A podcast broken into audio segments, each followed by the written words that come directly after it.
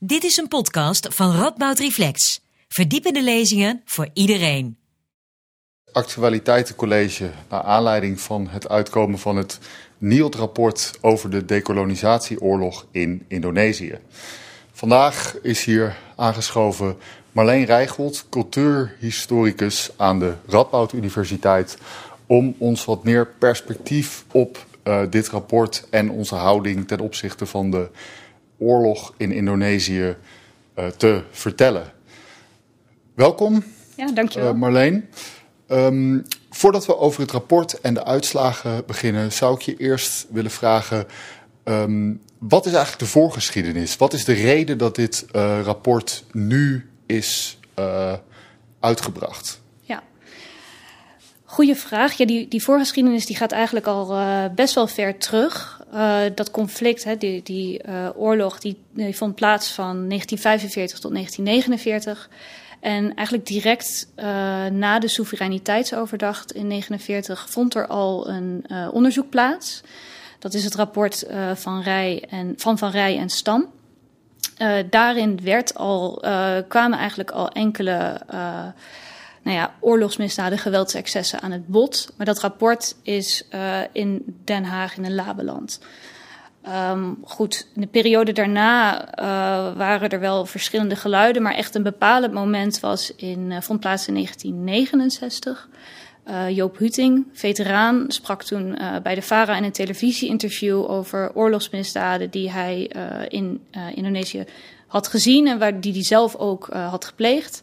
En dat maakte enorm veel los uh, in Nederland. En naar aanleiding van dat interview um, werd Kees Vasseur aangesteld om uh, een onderzoek te doen. Die schreef het zogenaamde excessennota. En daarin was eigenlijk de boodschap van ja, er waren geweldsexcessen, er was extreem geweld, er waren oorlogsmisdaden in Indonesië. In die periode 1945 tot 1949. Maar over de algehele linie heeft de Nederlandse krijgsmacht zich uh, behoorlijk gedragen. Vandaar die term excessen. Er waren enkele excessen.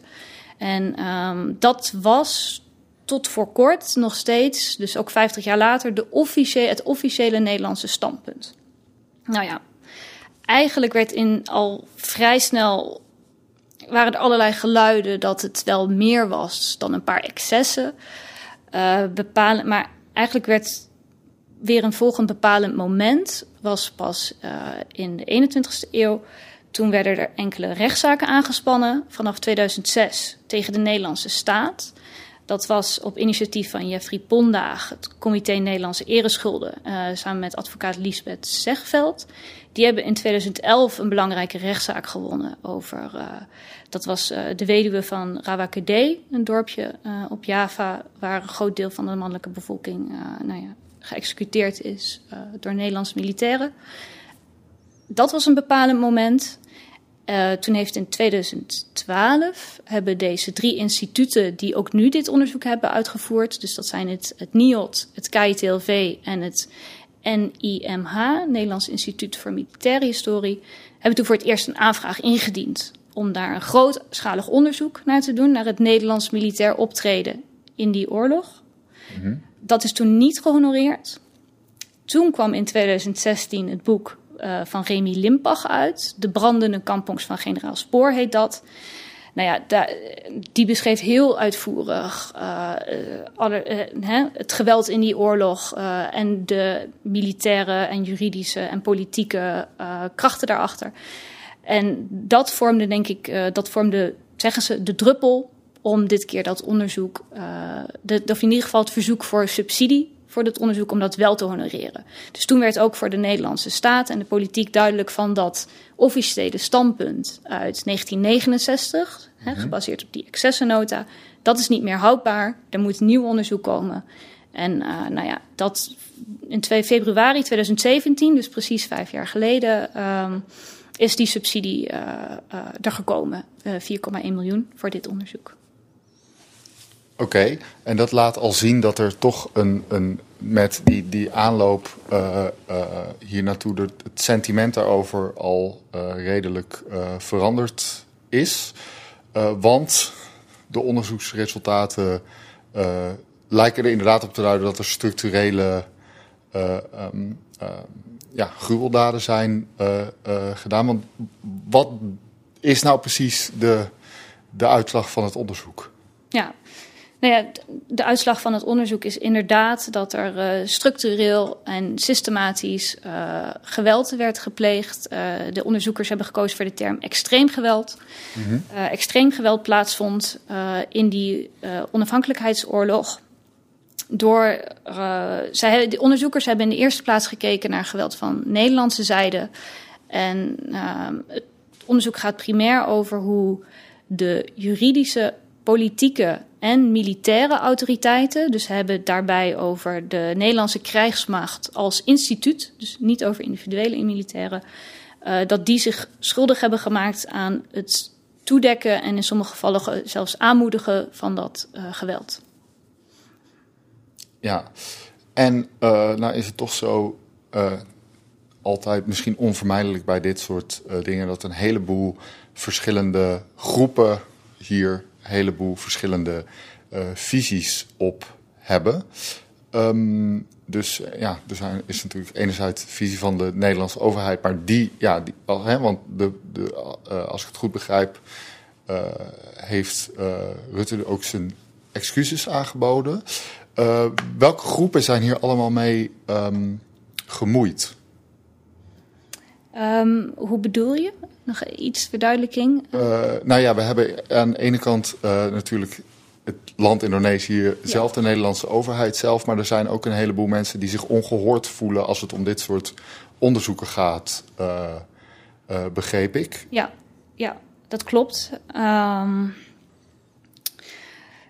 nou ja, het, um, ik, het ingewikkelde hieraan, ik, ik vind het heel mooi wat uh, Mico Floor, dat is een historicus van de Universiteit Leiden, uh, hierover gezegd in, uh, heeft, heeft gezegd in NRC.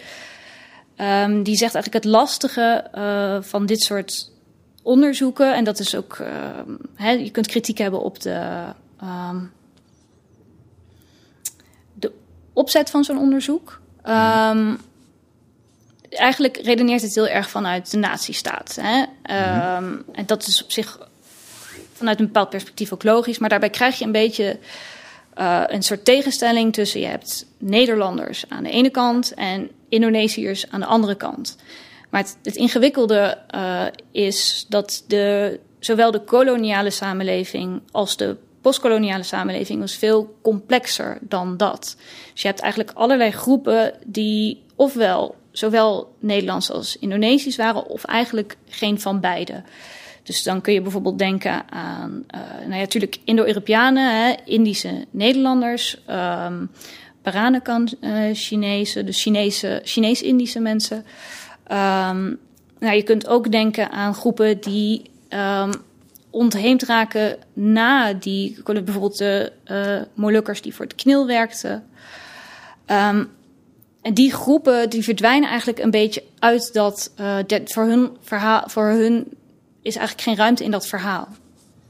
En dat zie je denk ik um, ook in reacties op dit onderzoek. Er zijn nog heel veel mensen die zich uh, voor wie direct na die onafhankelijkheidsoorlog, voor wiens ervaringen lange tijd eigenlijk geen ruimte is geweest, voor wiens mhm. verhaal lange tijd eigenlijk geen ruimte is geweest. Um, en voor wie nu deze onderzoeksresultaten misschien te laat komen, niet ver genoeg gaan of juist rauw op hun bord vallen. Ja. Want kan je daar een voorbeeld van geven voor bijvoorbeeld groepen voor wie dat dan rauw op hun bord valt? Of voor wie het juist, zeg maar, uh, te laat komt? Um, nou ja, uh, wij. Ik denk een voor, voorbeeld waaraan je goed kan zien hoe gevoelig dit ligt, um, is, want hè, dit onderzoeksrapport staat niet alleen. Er is de laatste tijd is er, uh, gebeurt er veel rondom deze periode. Zo is er de revolutie tentoonstelling in het Rijksmuseum. Mm-hmm. Nou ja, naar aanleiding daarvan was er ontzettend veel discussie, is er veel discussie geweest rondom de term en de periode Bersiap. Um, en dat is een periode, denk ik, die tot voor kort een heel groot deel van de Nederlandse bevolking in ieder geval niet zoveel zei. Die weinig bekend was. Um, en nu, het, hè, nu is er een tentoonstelling rondom de gehele uh, decolonisatieoorlog. En daarin zei een van de Indonesische curatoren, die zei, die term Bersiap, die gebruiken wij niet uh, in deze tentoonstelling. Want die biedt eigenlijk een eenzijdig perspectief uh, op, die, uh, op die gebeurtenissen. Zal ik even uitleggen, die, periode, die term Bersiap verwijst naar de periode direct na het uitroepen van de onafhankelijkheid door Indonesië op 17 augustus 1945. Dat was een ontzettend chaotische periode, een heel gewelddadige periode. Um, waarin allerlei groeperingen slachtoffer werden van uh, geweld. Vooral mensen die geassocieerd werden met het koloniale bewind. Dus dan heb je het over uh, Nederlands-Indische mensen, werden slachtoffer van geweld uh, door jonge nationalistische strijders, maar ook Chinees-Indische mensen, uh, ook, maar ook Indonesische mensen die um, bijvoorbeeld samen hadden, die verdacht werden dat ze sympathie hadden voor het Nederlandse bewind, of die samen hadden gewerkt met het Nederlandse bewind, of die een autoritaire positie hadden gehad. Mm. Nou ja, die Indonesische curator die zei uh, dat geweld wat toen plaatsvond, moet je zien in een bredere koloniale periode. Het waren niet alleen uh, Nederlands-Indische mensen die er slachtoffer van werden, dat waren hele brede groepen. Daarom willen we de term niet gebruiken, want die biedt eigenlijk een beperkt perspectief. De term is namelijk in eigenlijk is de, de term Bersiap is ontstaan in Nederland na de decolonie, dus na ook de soevereiniteitsoverdracht in 1949. Uh, moesten vertrokken eigenlijk de Nederlands-Indische bevolkingen werden gerepatrieerd naar Nederland. Um, zij hadden... Toch nog even voor de duidelijkheid, ja. hè? want je hebt er nou een aantal keer Nederland-Indisch uh, gezegd, dus dan hebben we het over mensen wiens voorouders zowel uit Nederland als uit Indië kwamen. Ja, dat klopt. Okay, ja. Uh, het is een term die door verschillende groepen weer net iets anders wordt gedefinieerd. Maar in -hmm. brede zin verwijst Nederlands-Indische mensen, uh, Nederlands-Indische bevolkingsgroep waren mensen met zowel Nederlandse als Indische voorouders. Ja. ja, ja. je was aan het vertellen dat die naar Nederland uh, ja, gehaald nou werden. Ja, ja, die hebben dus een ontzettend gewelddadige periode meegemaakt. Die -hmm. werden naar uh, Nederland gerepatrieerd. Die kwamen hier in 1949 terecht. En toen was er eigenlijk geen ruimte voor hun ervaringen. Um, dus er was een. Um, Nederland was er A weinig bekend over wat er in, in Indonesië was gebeurd. In Nederlands-Indië daarvoor was gebeurd. Er was ook weinig interesse. Mensen hadden zelf, zelf een oorlog achter de rug. Um, dus er was een soort doofheid voor die ervaringen. En daar speelt ook mee. Uh, de Nederlandse regering heeft deze groep die uh, vaak geïnterneerd was in, uh, ja, die vast had gezeten in Japanse interneringskampen. Mm -hmm. Dit waren veelal ambtenaren en militairen die gewerkt hadden voor de Nederlandse staat. Nou ja, het salaris over de periode dat zij vast hebben gezeten, kregen zij niet uitbetaald. Dus daar zat daar ontzettend veel. Mensen waren eigenlijk alles kwijt. Mm -hmm. Waren ook niet gecompenseerd. En ik denk nog belangrijker, hun ervaringen werden ook niet erkend. Dus daar zat heel veel pijn en woede. En voor hun is die term Bersiab heel belangrijk geworden om uiting te geven aan wat hen is overkomen. Mm -hmm. Dus het is, een belangrijk, het is in die zin een belangrijke term en ook een belangrijke periode. Maar het, hè, het, is, het is ontstaan uit het perspectief van één groep. En daarom is hij minder geschikt om een periode in een bredere context te plaatsen. En dat is eigenlijk waar die discussie over ging. Maar daar zie je denk ik heel goed aan hoe dus die verschillende ervaringen van verschillende groepen schuren. Want even voor de duidelijkheid, dus die discussie was ontstaan naar aanleiding van die tentoonstelling. Want zij wilden de term niet gebruiken. Klopt. Begrijp ik toch? Klopt. Maar in het onderzoek is er mm -hmm. ook wel um, onderzoek gedaan naar de Bersia-periode. Oké. Okay. Uh, want het gaat, het gaat vooral om het gebruik van die term. Jij zegt dus van ja, dit, ondanks dat we die mensen die daar geleden hebben wel een stem willen uh, geven, is het te makkelijk om die hele periode met één zo'n term ik, ik zeg dat niet, maar dat was. Uh, ik zeg dat niet, maar dat was de discussie. Oké. Okay. Dat ja. was de discussie uh, tussen de ja, verschillende betrokkenen. Oké. Okay. En, en dit soort groepen die, die hè, bijvoorbeeld Nederlandse Indiërs. zou je iets kunnen vertellen over een reactie uit bijvoorbeeld die kant van de samenleving op het onderzoeksrapport nu? Ik denk Uh, misschien is het eerst interessant om wat te vertellen over de Indonesische reactie. Want ik denk dat die uh, ook zeer relevant is. Uh, en ook wel iets meer. hier nog een beetje meer duiding aan kan geven. Um, dus de Indonesische reactie. er is samenwerking geweest met Indonesische onderzoekers voor dit, voor deze, on, dit onderzoekrapport. Maar vrij beperkt. Het zijn in de eerste plaats Nederlandse vragen die centraal stonden. Uh, een Nederlands conceptueel uh, hè, raamwerk. En het onderzoek sluit aan, zoals ik in het begin ook al een beetje schetste, bij Nederlandse debatten. Nou, vanuit Indonesische, uh, zowel historici als in de media, voelt bijvoorbeeld de keuze voor 1945 tot 1949, die voelt nou, arbitrair misschien in de media, maar ook de historici die zeggen waarom deze periode? Waarom, heb je niet, waarom is er niet gekeken naar het, het hele koloniaal verleden?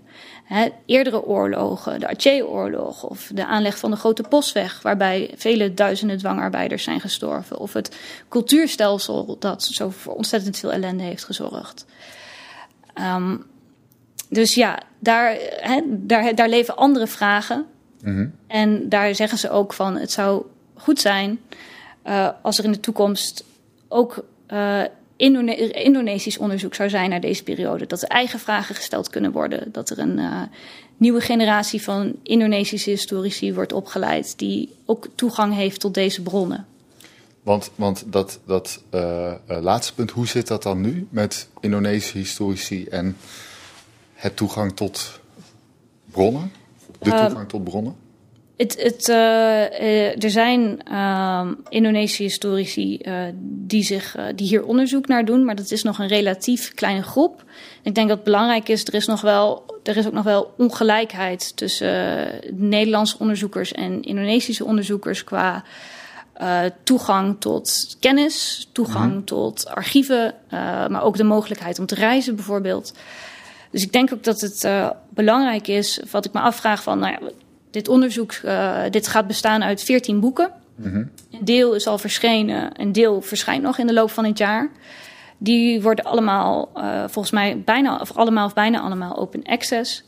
Maar het zou ook goed zijn, denk ik, als een deel van de, de bronnen, hè, dat het deels, of ik weet niet hoeverre dat mogelijk is, maar ook open source zou worden. Van, dat de bronnen bijvoorbeeld gedigitaliseerd worden of vertaald worden. Er is een grote taalkloof tussen Nederlands en uh, Indonesië. Mm -hmm. um, ja, daar zou ik ook willen dat. Uh, dat lijkt mij ook mooi als daar nog aandacht voor zou zijn. Want die bonnen zijn nu veelal in handen van de uh, Nederlanders, als ik het goed begrijp. Uh, ja, dus het ligt er een beetje aan natuurlijk naar welke actoren je kijkt. Maar als je, zoals dit onderzoek, voornamelijk focust op de militaire, juridische, politieke autoriteiten, dan ligt het voor een groot deel in het, het Nationaal Archief of in andere archiefinstellingen hier in Nederland. Ja, interessant. Um, je zei net, uh, in Indonesië voelt die periode heel erg arbitrair. Um, want hè, wij, denk ik, ook weer zo'n soort van nazistaat uh, maar in ieder geval, uh, Nederland was in. Um, is natuurlijk lang in Indonesië geweest. Denk je dat het gaat leiden tot meer onderzoek of, of een andere verhouding tot het koloniale verleden? Um, een ander, ja, meer onderzoek en een andere houding zijn denk ik twee verschillende mm -hmm. dingen. Um, ik hoop dat het gaat leiden tot meer onderzoek. Er, er um, vindt ook ontzettend veel onderzoek al plaats uh, naar, de, naar die koloniale periode. Maar ik denk zeker dat daar uh, ook nog veel uh, ruimte ligt. Um, ik werk veel samen met onderzoekers uh, die bezig zijn meer met uh, ja, in het, in, hè, in het debat wordt dan de soft power genoemd. Dus niet die, um, nou ja, niet die formele, dus niet die juridische, politieke, militaire structuren, maar ook naar uh, het onderwijs, um, de kerk, een onderzoeksproject. Uh, een collega van mij, Maaike Derks, is bezig met een onderzoekproject naar weeshuizen uh, op Nederlands-Indië. Ik denk dat daar nog heel veel onderzoek naar te doen valt. Van hoe functioneerde die koloniale samenleving nou precies hè, in de dagelijkse praktijk? Dus niet alleen wat was het beleid, maar ook uh, hoe functioneert die samenleving, die ontzettend complexe samenleving en al die verschillende groepen uh, die daar samenleefden. Um, en of onze houding verandert, um, ja, dat weet ik niet. Er komt een, uh, over dit onderzoeksrapport wordt gedebatteerd. Er komt een debat in de Tweede Kamer. Ik ben ook benieuwd, ja, je zei al, Rutte heeft zijn excuses aangeboden, zijn diepste excuses. Maar je kunt je ook afvragen, eh, nou ja, wat voor gevolgen gaat dat krijgen? Bijvoorbeeld over herstelbetalingen, maar ook... -hmm. Uh, ja, Sjoerd Sjoerdsma van D66 heeft ook al kort even gereageerd in het programma, radioprogramma OVT afgelopen weekend. En die zei onder andere van, nou ja, ik, ik wil me hard maken om 17 augustus 1945, dus dat is de dag dat Indonesië de onafhankelijkheid uitriep, Sinds 2005 erkent Nederland die datum wel uh, de facto. Toenmalig minister van Buitenlandse Zaken Ben Bot heeft toen op staatsbezoek gezegd van... nou ja, ik erken die datum uh, moreel en politiek ruimhartig, iets dergelijks. Mm -hmm. uh, maar goed, dat is de facto en niet de jure. Dus juridisch erkent Nederland nog steeds niet dat uh, Indonesië op 17 augustus 1945 onafhankelijk werd. En dat is ook in Indonesische ogen een, uh, nou ja, nogal een steen des aanstoots. Uh. Want waarom? Waarin verschilt het in de praktijk dan? Of, iets, of de, dat die afhankelijkheidsdatum erkend wordt? juridisch erkend wordt? Het scheelt in juridische zin natuurlijk, omdat de kaders uh, waarin je ook, ook alles, hè, ook die periode daarna duidt of interpreteert, die veranderen. Maar het is denk ik vooral voor Indonesië belangrijk. Uh, nou ja, voor hun is dat echt het begin van. Uh,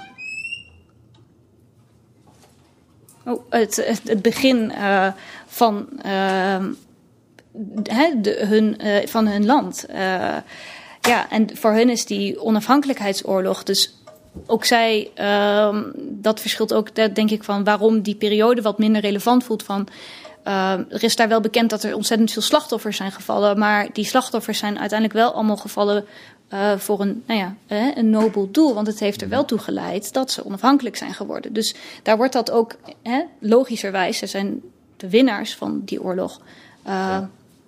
Logischerwijs ook meer positief uh, gezien. Dus goed, dat maakt, dat maakt zeker uit. En, uh, maar goed, die Sjoerd Sjoerdsma zei ook van er moet ook compensatie komen voor uh, het, wat die, die Indische rekening wordt genoemd, die Indische kwestie. Dus dat die lonen die niet zijn uitbetaald, daar moet nog goed naar worden gekeken. En hij zei, um, de mensen die destijds dienst hebben geweigerd, ja. die zijn toen vastgezet, die hè, soms wel jaren daar moet ook uh, compensatie voor komen, daar moet rechtsherstel voor komen. Dus er zijn, uh, hè, toen die mhm. oorlog werd uitgeroepen, zijn mensen gezegd: ik ga niet in dienst, ik weiger. Um, die zijn ook tot op de dag van vandaag is dat eigenlijk nooit uh, hersteld. Want uh, dat is denk ik wel goed om te noemen, ook vanuit het hele idee van hè, er zijn een heleboel perspectieven op uh, deze zaak. Er is al iemand die via de vragen corrigeerde uh, dat de repatrianten uh, Nederlandse Indiërs worden genoemd, maar dat het dat, dat Indische uh, Nederlanders zijn. Ja. Wat de complexiteit ja. van dit ja, soort dingen nog eens extra onderstreept. Daarom, dus ik, ja, jij vroeg ook net van. Mm -hmm. um, nou ja, wat zijn dan reacties uit de kant van Indische Nederlanders over dit? Dat, dat, daar, daar vind ik ook moeilijk om daar antwoord op te geven, want het is zo'n diverse groep.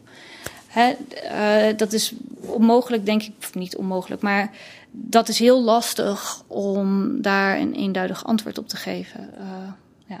Maar ook die uh, kwestie van de dienstweigeraars laat zien dat er ook in die tijd al ja. een heleboel verschillende ja. perspectieven op waren. Zou, zou je daar iets over kunnen vertellen? Nee, zeker.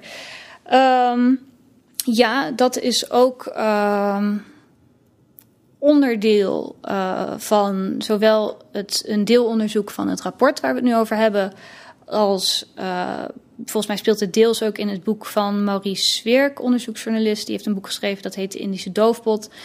Dat eigenlijk waren er al vanaf het begin van deze conflicten waren er al heel lang allerlei verschillende perspectieven, stemmen die zeiden, uh, die allerlei kritiek hadden op de oorlog, de Nederlandse autoriteiten, allerlei zaken die zich uitspraken. Uh, die stemmen zijn eigenlijk nooit gehoord. Of die, hebben heel, of die zijn um, nou ja, actief tegengewerkt. Uh, uh, onschadelijk gemaakt, in de doofpot gestopt. Dus, -hmm. um, en daar komt nu ook steeds meer over naar buiten. Dus die geluiden zijn er altijd geweest. Wat ik wel nog opvallend vind. Um, wij kennen nu vooral de namen, hè, die komen dan langzaam uit van de Nederlandse ofwel dienstweigeraars ofwel mensen die zich hebben uitgesproken. En wordt dan vaak genoemd uh, Ponke Prinsen of Joop Huting. Wat ik, ik niet weet uh, en waar ik wel benieuwd naar ben, bijvoorbeeld Indonesiërs die zich hierover hebben uitgesproken. Uh, hè, daar moeten ook geluiden. Dat, dat, weet, ja, dat werd ook gezegd bij de presentatie van het onderzoeksrapport door twee historici, Remco Rabe en Peter Romein. Die hebben ook gezegd er waren ook van Indonesische zijde, werden er al, werd er al heel snel aangekaart van, vinden hier oorlogsmisdaden plaats. Um, ja, wie dat waren, die namen, uh, nou ja, daar ligt denk ik ook nog wel ruimte voor verder onderzoek. Want, want hè, dat, dat, dat raakt aan een soort dieperliggende vraag. Ik heb je een aantal keer horen zeggen, heel interessant, over van, hè, dat er een heleboel stemmen uh, ongehoord zijn. Dus, dus als ik het goed begrijp, gaat zo'n onderzoek dus niet alleen om gewoon de feiten oprakelen, maar ook heel erg om die, die verschillende uh, stemmen uh, hoorbaar maken. Klopt dat? Ja, ja, ik denk dat dat klopt. Um, daarom, daarom is die, die meerstemmigheid, die multiperspectiviteit ook zo belangrijk. Want geschiedenis gaat nooit alleen over de gebeurtenissen. Kijk, het is heel goed en heel belangrijk dat die gebeurtenissen zo uh, nauwkeurig mogelijk boven tafel worden gehaald. Maar geschiedenis is niet alleen, gaat niet alleen om feiten, maar ook om interpretatie van die feiten. En uh, verwerking van wat er is gebeurd. En hoe vindt die verwerking plaats in, bij verschillende groepen? Wat zijn de ver, verschillende en diverse herinneringsculturen over een bepaald onderwerp? En ik -hmm. denk dat, uh, dat daar ook steeds meer aandacht voor komt. Hè? Van, uh, dat er om dat, nou ja, bij bijvoorbeeld zo'n. Uh, nu is een heel mooi begin uh, door dit NIAD-rapport, maar ook bijvoorbeeld in zijn tentoonstelling in het uh, Rijksmuseum.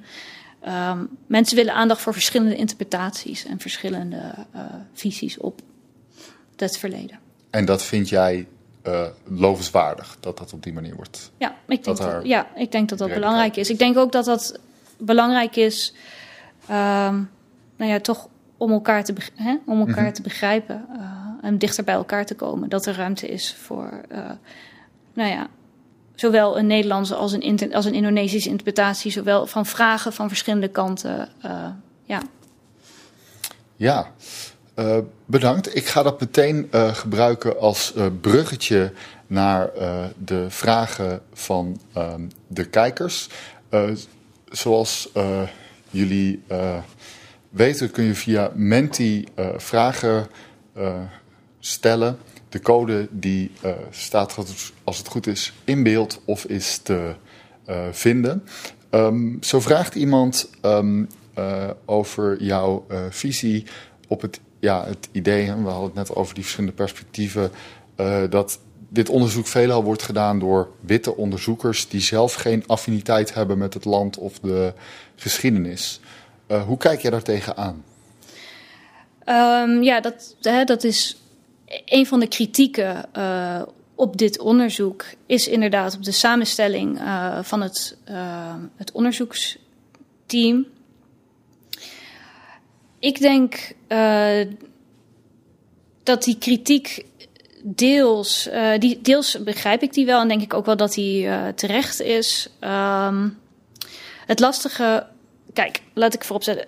Wat het deels denk ik ingewikkeld maakt, is dat dit onderzoek heeft veel kritiek gekregen, eigenlijk al vanaf 2016, 2017, vanaf dat het moment dat het duidelijk wordt dat, werd dat het plaats zou vinden, werd al gezegd. Uh, uh, Oké, okay, 4,1 miljoen wordt dan, werd gesubsidieerd vanuit de Nederlandse staat, een behoorlijk, of overheid, een behoorlijk bedrag. Mm -hmm. Hoe gaat dat verdeeld worden? Uh, waarom deze instituten? Waarom? En er werd ook gezegd, voorwaarden waren één, in samenwerking met Indonesische partners.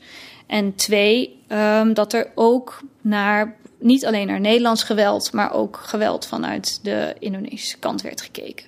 Dus dat, dat werd vanaf het begin gezegd dat dat zou gaan gebeuren. uiteindelijk is het toch voornamelijk een, zoals ik al zei, een Nederlands onderzoek met vooral Nederlands onderzoekers, Nederlandse vragen. Uh, hè.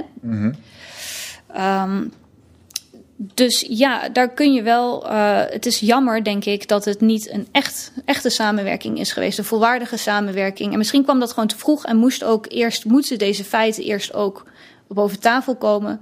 Maar uh, ik, het zou mooi zijn geweest als die samenwerking en dus ook de financiële compensatie bijvoorbeeld 50-50 waren geweest.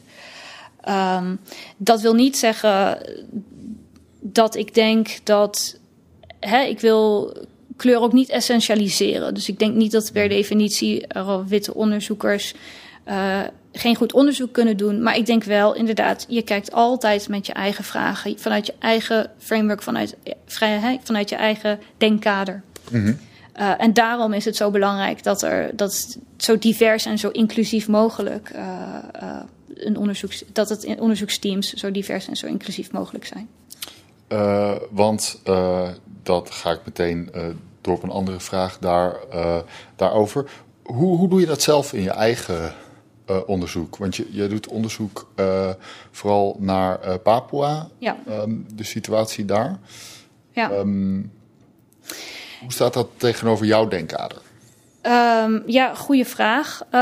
ja, mijn onderzoek, ik doe onderzoek naar mijn uh, naar de katholieke missie. Mm -hmm. Op, toen, heette het, toen werd het Nederlands Nieuw-Guinea genoemd. Vanaf ongeveer 1905 tot ongeveer 1940. En ik kijk vooral naar. mijn vraag is vooral gaat over de rol van kinderen in dat missieproject. Er is altijd ontzettend veel. Er is al ontzettend veel bekend over hoe kinderen belangrijke. Nou ja, doelwitten, zou ik bijna zeggen, voor, of in ieder geval objecten van civilisatie, dus beschavings, um, koloniale beschavingsprojecten waren. Maar ik zag, ik heb vooral heel veel naar onder andere een enorme collectie foto's geanalyseerd. En daar zag ik ook hele jonge, jonge Papua's steeds opduiken als gidsen, tolken, eigenlijk een heel actieve rollen. Um, naar, uh, in die periode. Dus daar gaat mijn onderzoek eigenlijk over. Ik ben begonnen met die foto's en ik probeer eigenlijk te kijken van... goh, welke andere rollen vervulden kinderen nou in zo'n uh, ja, vroege koloniale periode... naast alleen maar hè, uh, pupillen in scholen bijvoorbeeld. Um, goed, die, mijn bronnen uh, liggen allemaal in het Erfgoedcentrum voor Nederlands Kloosterleven. Uh, dus die zijn bijvoorbeeld, uh, die zijn door missionarissen vanuit Papua naar Nederland gerepatrieerd. Een van, de deel, een van de dingen waar ik me ook mee bezig hou, is de mogelijkheid om die foto's te repatriëren. Wordt dat, hè, zo wordt dat dan genoemd. Dat is een term die wordt gebruikt ook bijvoorbeeld bij kunstobjecten, hoor je het nu veel. -hmm. um, nou ja, ik zou het ook belangrijk vinden dat die foto's uh, te kijken of die terug kunnen naar ja, Marokko, komen ze dan vandaan. Ja. Uh, ja, dus ik ben daar zeker mee bezig. Dus dat Mooi. heel kort over mijn onderzoek. Ja. ja. Uh, nou ja, het gaat natuurlijk dan om de brede vraagstuk van ja, wij zitten hier natuurlijk ook als, als ja. Witte Nederlanders ja, nou ja, dus, dus, te hebben. Dus, ja, ja, dus mijn denkkader is inderdaad, ik denk, uh, beperkt of mijn, mijn mm -hmm. visie erop. En daarom is het ook zo belangrijk dat die, dat, dat we hebben het vaak over gedeeld erfgoed, maar dat dat dus ook echt gewoon breed toegankelijk wordt. Um, want nu ligt het hier en is het niet toegankelijk, in ieder geval mijn collectie. Ja. ja. Mooi. Uh, ja, dat sluit meteen goed aan bij de volgende vraag. Dat gaat over onderwijs. Denk je dat dergelijke rapporten invloed hebben op de manier waarop wij geschiedenisonderwijs geven in Nederland? Goeie vraag. Uh, er was, volgens mij is er vanochtend op ofwel nu.nl ofwel de NOS heeft er heel kort ook al iets over gestaan. Of in ieder geval een eerste reactie vanuit uh, lerarenkoepels, hè, onderwijskoepels, van nou ja, we gaan ermee aan de slag. Dus dat lijkt erop te wijzen dat er inderdaad wel degelijk, en ik weet ook, uh, docenten springen meestal heel, heel snel in op de actualiteit. Hè, dat doen ze eigenlijk uit zichzelf al. Mm -hmm. um, maar ik denk wel dat um, in ieder geval dat daar nog wel, en dat is denk ik iets waar, hè, we hebben het over gehad, er zijn veel verschillende groepen hier, betrokken groepen. Ik denk iets waar ze het allemaal over eens zijn, is dat er meer onderzoek en meer bekendheid moet komen voor die periode. Dat er eigenlijk onder een breed publiek te weinig bekend is van wat is er. Nou ja, ten eerste, wat is er in die koloniale periode gebeurd, maar wat is er ook in die periode 1945 tot 1949, die onafhankelijkheidsoorlog. Wat is daar gebeurd? Wie waren de spelers? Uh, wie waren al die verschillende groepen? Dat daar nog wel uh, meer ruimte voor kan zijn in het, in het onderwijs. Ja, uh, mooi. Ja, er zijn toch een, een, een aantal mensen die daarna uh, uh, vragen als het gaat om een bepaalde onderwijsinstelling, namelijk die waar wij nu op zitten, de Radboud Universiteit en ja. Louis Beel. Um, dus um, zou je er, soort van voor de mensen die niet weten wie hij is, kort kunnen vertellen wie hij is? En natuurlijk de vraag die daarover gaat is, ja, moeten wij niet wat meer afstand van deze persoon nemen. Maar wat is de, wat is de situatie daaromheen? Um, nee, de situatie, goed, ik weet het ook, dit weet ik ook allemaal niet precies hoor. Dus mm -hmm. um, vergeef me als ik, het, als ik uh, iets verkeerd zeg. Volgens mij is het zo, er is afgelopen zaterdag uh, van uh, hoogleraar Klaas Landsman een, artikel, een opinieartikel vers, verschenen in NRC ehm, over dit onderwerp. Nou ja, Bill was de premier uh, in, uh, in, in deze periode. De Nederlandse premier was een uh, katholiek politicus. En die wordt nu ook genoemd, ook in, dit, in het onderzoek. Volgens mij is dat het deelonderzoek van Remy Limpach, maar dat weet ik niet helemaal zeker. in ieder geval, uit dit NIAD-rapport is naar voren gekomen dat um, hij die tweede politionele actie, geloof ik, met name erg heeft aangemoedigd of daar, veel, daar heel erg voorstander van was. Dus hij wordt wel, uh, als je het hebt over welke politieke autoriteiten waren er nu mede verantwoordelijk voor het geweld dat daar mm plaats heeft gevonden, dan wordt zijn naam genoemd. En ik weet dat, nou ja, hij was een katholiek uh, politicus. Uh, hij heeft in de Radboud Universiteit, is er volgens mij een vergaderzaal naar hem vernoemd. Want hij was ook hoogleraar hier, begreep ik, maar misschien... Ja, ja, ja, ja dat weet ik niet zeker, maar ja. ja. Oké. Okay. Of zelfs... Bonden aan de RU op een of andere manier. Ja. ja. Nou ja. Um, dus de vraag is, uh, moeten we wel een vergaderzaal dan naar hem vernoemen? Dus dat is meer de vraag van, oké, okay, hoe nu verder? Wat mm -hmm. zijn de implicaties uh, van dit onderzoek? En ik denk ook, uh, nou ja, het zou mooi zijn als daar uh, ook hè, binnen de, deze academische gemeenschap een debat over is. ja, um, er is nog iemand uh, die vraagt in uh, welke vorm het super, superioriteitsgevoel hè, van westerse mensen een rol speelt in wat er in de tijd, dus dan hebben we 1945, ja. 1949 gebeurd is, een rol speelt. Um, je hebt natuurlijk al wat gezegd over het Nederlandse perspectief. Ja. Um, hoe, hoe zit dat met um, dat idee van superioriteit en onze rol van Indonesië. Uh, uh, je zei mij, uh, vertelde mij eerder van er is ook wel lange tijd een sentiment geweest van dat er ook wel goede dingen zijn gebeurd. hoe zit dat precies? Nee, nou ik denk dat dat, dat is goed dat dat nog ter sprake komt. Daar hebben we het misschien te weinig over gehad, maar ik denk inderdaad, um, dat speelt in de samenvatting van de onderzoeksresultaten kwam dat wat minder naar voren. Of nee, in de presentatie van de onderzoeksresultaten kwam dat wat minder naar voren. In de samenvatting staat, in het rapport staat dat heel duidelijk dat dat, uh, dat uh, het Nederlands koloniaal denken, dus inderdaad dat super, misplaatste superioriteitsgevoel, dat dat een enorme rol speelde ook in deze conflicten en ook in, in het geweld dat plaatsvond. Dus um, uit het, he, ook uit dit onderzoek blijkt bijvoorbeeld dat. Um, er zijn zo'n 5000 uh, of 5300 Nederlandse soldaten om het leven gekomen. Uh, ten opzichte van zo'n nou, minimaal 100.000, maar dat is echt de ondergrens, waarschijnlijk nog veel meer Indonesische strijders. Dus um, ja, die, die levens werden gewoon. Er werd gezegd, uh, daar werd gewoon anders naar gekeken. Indonesische mensen en ook denk ik de Indonesische Republiek werd niet voor vol aangezien. De Nederland nam dat eigenlijk niet serieus. Dacht ook van, nou ja, we willen misschien wel meewerken aan, of we willen wel meewerken aan een dekolonisatie, maar op termijn en op onze termen. Mm -hmm. Dus de visie over uh, kon Indonesië afhankelijk worden, die verschilde gewoon enorm tussen de Nederlanders en de Indonesiërs. En vooral ook uh, omdat Nederland zag Indonesië uh, niet voor vol aan. En dat, dat, speelt, dat speelt in alles een enorme rol. Um, en dat. Uh,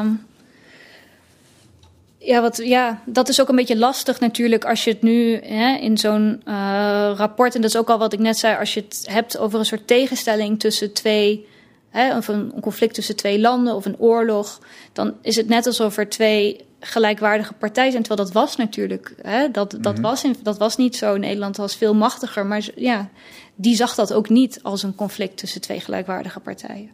Ja. En dat uh, is ook belangrijk om dat te blijven benoemen. En, en is dat uh, nu anders? Ja, nu is dat, ja, ja, nu is dat anders. Indonesië is ook uh, in economisch een enorme wereldmacht. Dus dat, is, hè, dat mm -hmm. wordt ook vaak genoemd als een verklaring. Uh, ik weet niet in hoeverre dat waar is. Uh, dat het daar minder zou leven, dit soort. Dat ze daar nu, dat ze daar nu minder mee bezig zouden zijn. dat, dat weet ik niet. Hoe bedoel je? Is dat, nu is dat anders? Nou, gewoon is, is zeg maar dat, dat idee van, van, uh, soort van hè, vanuit het idee van een soort westerse superioriteitsdenken of een wit superioriteitsdenken, werd Indonesië sowieso niet voor vol aangezien. Um, denk je dat dat soort sentimenten nog steeds een rol spelen in de verhouding tussen Nederland en Indonesië? Nou, uh, misschien wel. Daar, daar durf ik, daar heb mm ik geen onderzoek hè, naar gedaan. Dus dat durf ik uh, niet. Daar durf ik geen harde uitspraken over te doen. Ik denk wel dat dat, ja, dat, dat speelt een rol. Want dat, daar, gaat, daar ligt misschien ook nog wel, uh, of misschien, daar ligt ook nog ruimte voor verder onderzoek. Wat zijn nou de, de langere termijn consequenties? Um, welke koloniale structuren leven er nog door? Hè? Wat, mm -hmm. uh, wat zijn de naweeën daarvan? Daar is in Nederland zelf ook steeds meer aandacht voor. Hè? Um, maar ook in Indonesië leven daar ook vragen over. Volgens mij um, staat ook dat in het uh, nawoord uh, van het onderzoeksrapport. Dat bijvoorbeeld um, de heel, een deel van de Indonesische uh, juridische structuur bijvoorbeeld is nog rechtstreeks overgenomen vanuit de koloniale periode. Mm -hmm. ja, uh, je kunt denken aan dat soort, aan, uh, um, dat soort zaken die nog, onder, hè, die nog door, doorwerken in het heden. Maar je kunt inderdaad ook denken aan globale ongelijkheid. ja, zo ja. Oké. Okay. Um, ja, dus om af te sluiten. Uh, uh, misschien nog een, een uh, laatste vraag. Je had het al over die, hè, die, die, die door, doorwerking van het koloniale verleden. Wat denk je dat nu de praktische consequenties zijn van dit onderzoek? Denk je inderdaad dat het tot juridische kwesties gaat leiden of tot meer van dit soort onderzoeken? Wat, wat, wat staat ons te wachten? Um, nou ja, ik ben heel benieuwd wat um, de uitkomsten zullen zijn van het uh, Tweede Kamerdebat hierover. Ik ben inderdaad, ik vermoed of ik denk toch dat het uh, Nederland ook uh, juridisch wel 17 augustus 1945 als onafhankelijkheidsdatum zal gaan erkennen. Mm -hmm. Ik ben benieuwd of er ehm, herstelbetalingen of daarover gesproken zal worden. Dus uh, nou ja, uh, onderdeel van uiteindelijk het ronde tafelakkoord was dat Indonesië her, uh, herstelbetalingen moest doen aan Nederland. 4 miljard, 4,5 miljard geloof ik destijds en 4,5 miljard gulden destijds. En ook dat Indonesië de salarissen van ambtenaren voor twee jaar nog door moest blijven betalen naar dus um, omgerekend naar Europese salarissen of Nederlandse salarissen. Nou ja, dat was ook volgens mij nog drie, bij drie of nog meer miljard uh, gulden. Nou ja. Ze moesten dat betalen. Is dat ook betaald? Of? ja, er is in ieder geval 4 miljard. Dat is een beetje onduidelijk hoeveel er betaald is, maar in ieder geval 4, miljard is er betaald. Uh, dus er staat nog een enorme rekening open, zou je kunnen zeggen. Mm -hmm. Ben benieuwd ik, ja, ik vind als je excuses uh, aanbiedt, dan kunnen, hè, kan compensatie ook niet uitblijven. Dus ik ben, ik ben benieuwd uh, wat de gevolgen hiervan zullen zijn. Oké. Nou, dankjewel Marleen uh, Rijgold. Uh, ja, dit was het actualiteitencollege van Radboud Reflect over het NIAD-rapport over de decolonisatieoorlog in Indonesië. Uh, ja, check vooral onze website voor nog meer uh, programma's met reflecties op allerhande interessante vraagstukken. Bedankt voor het kijken.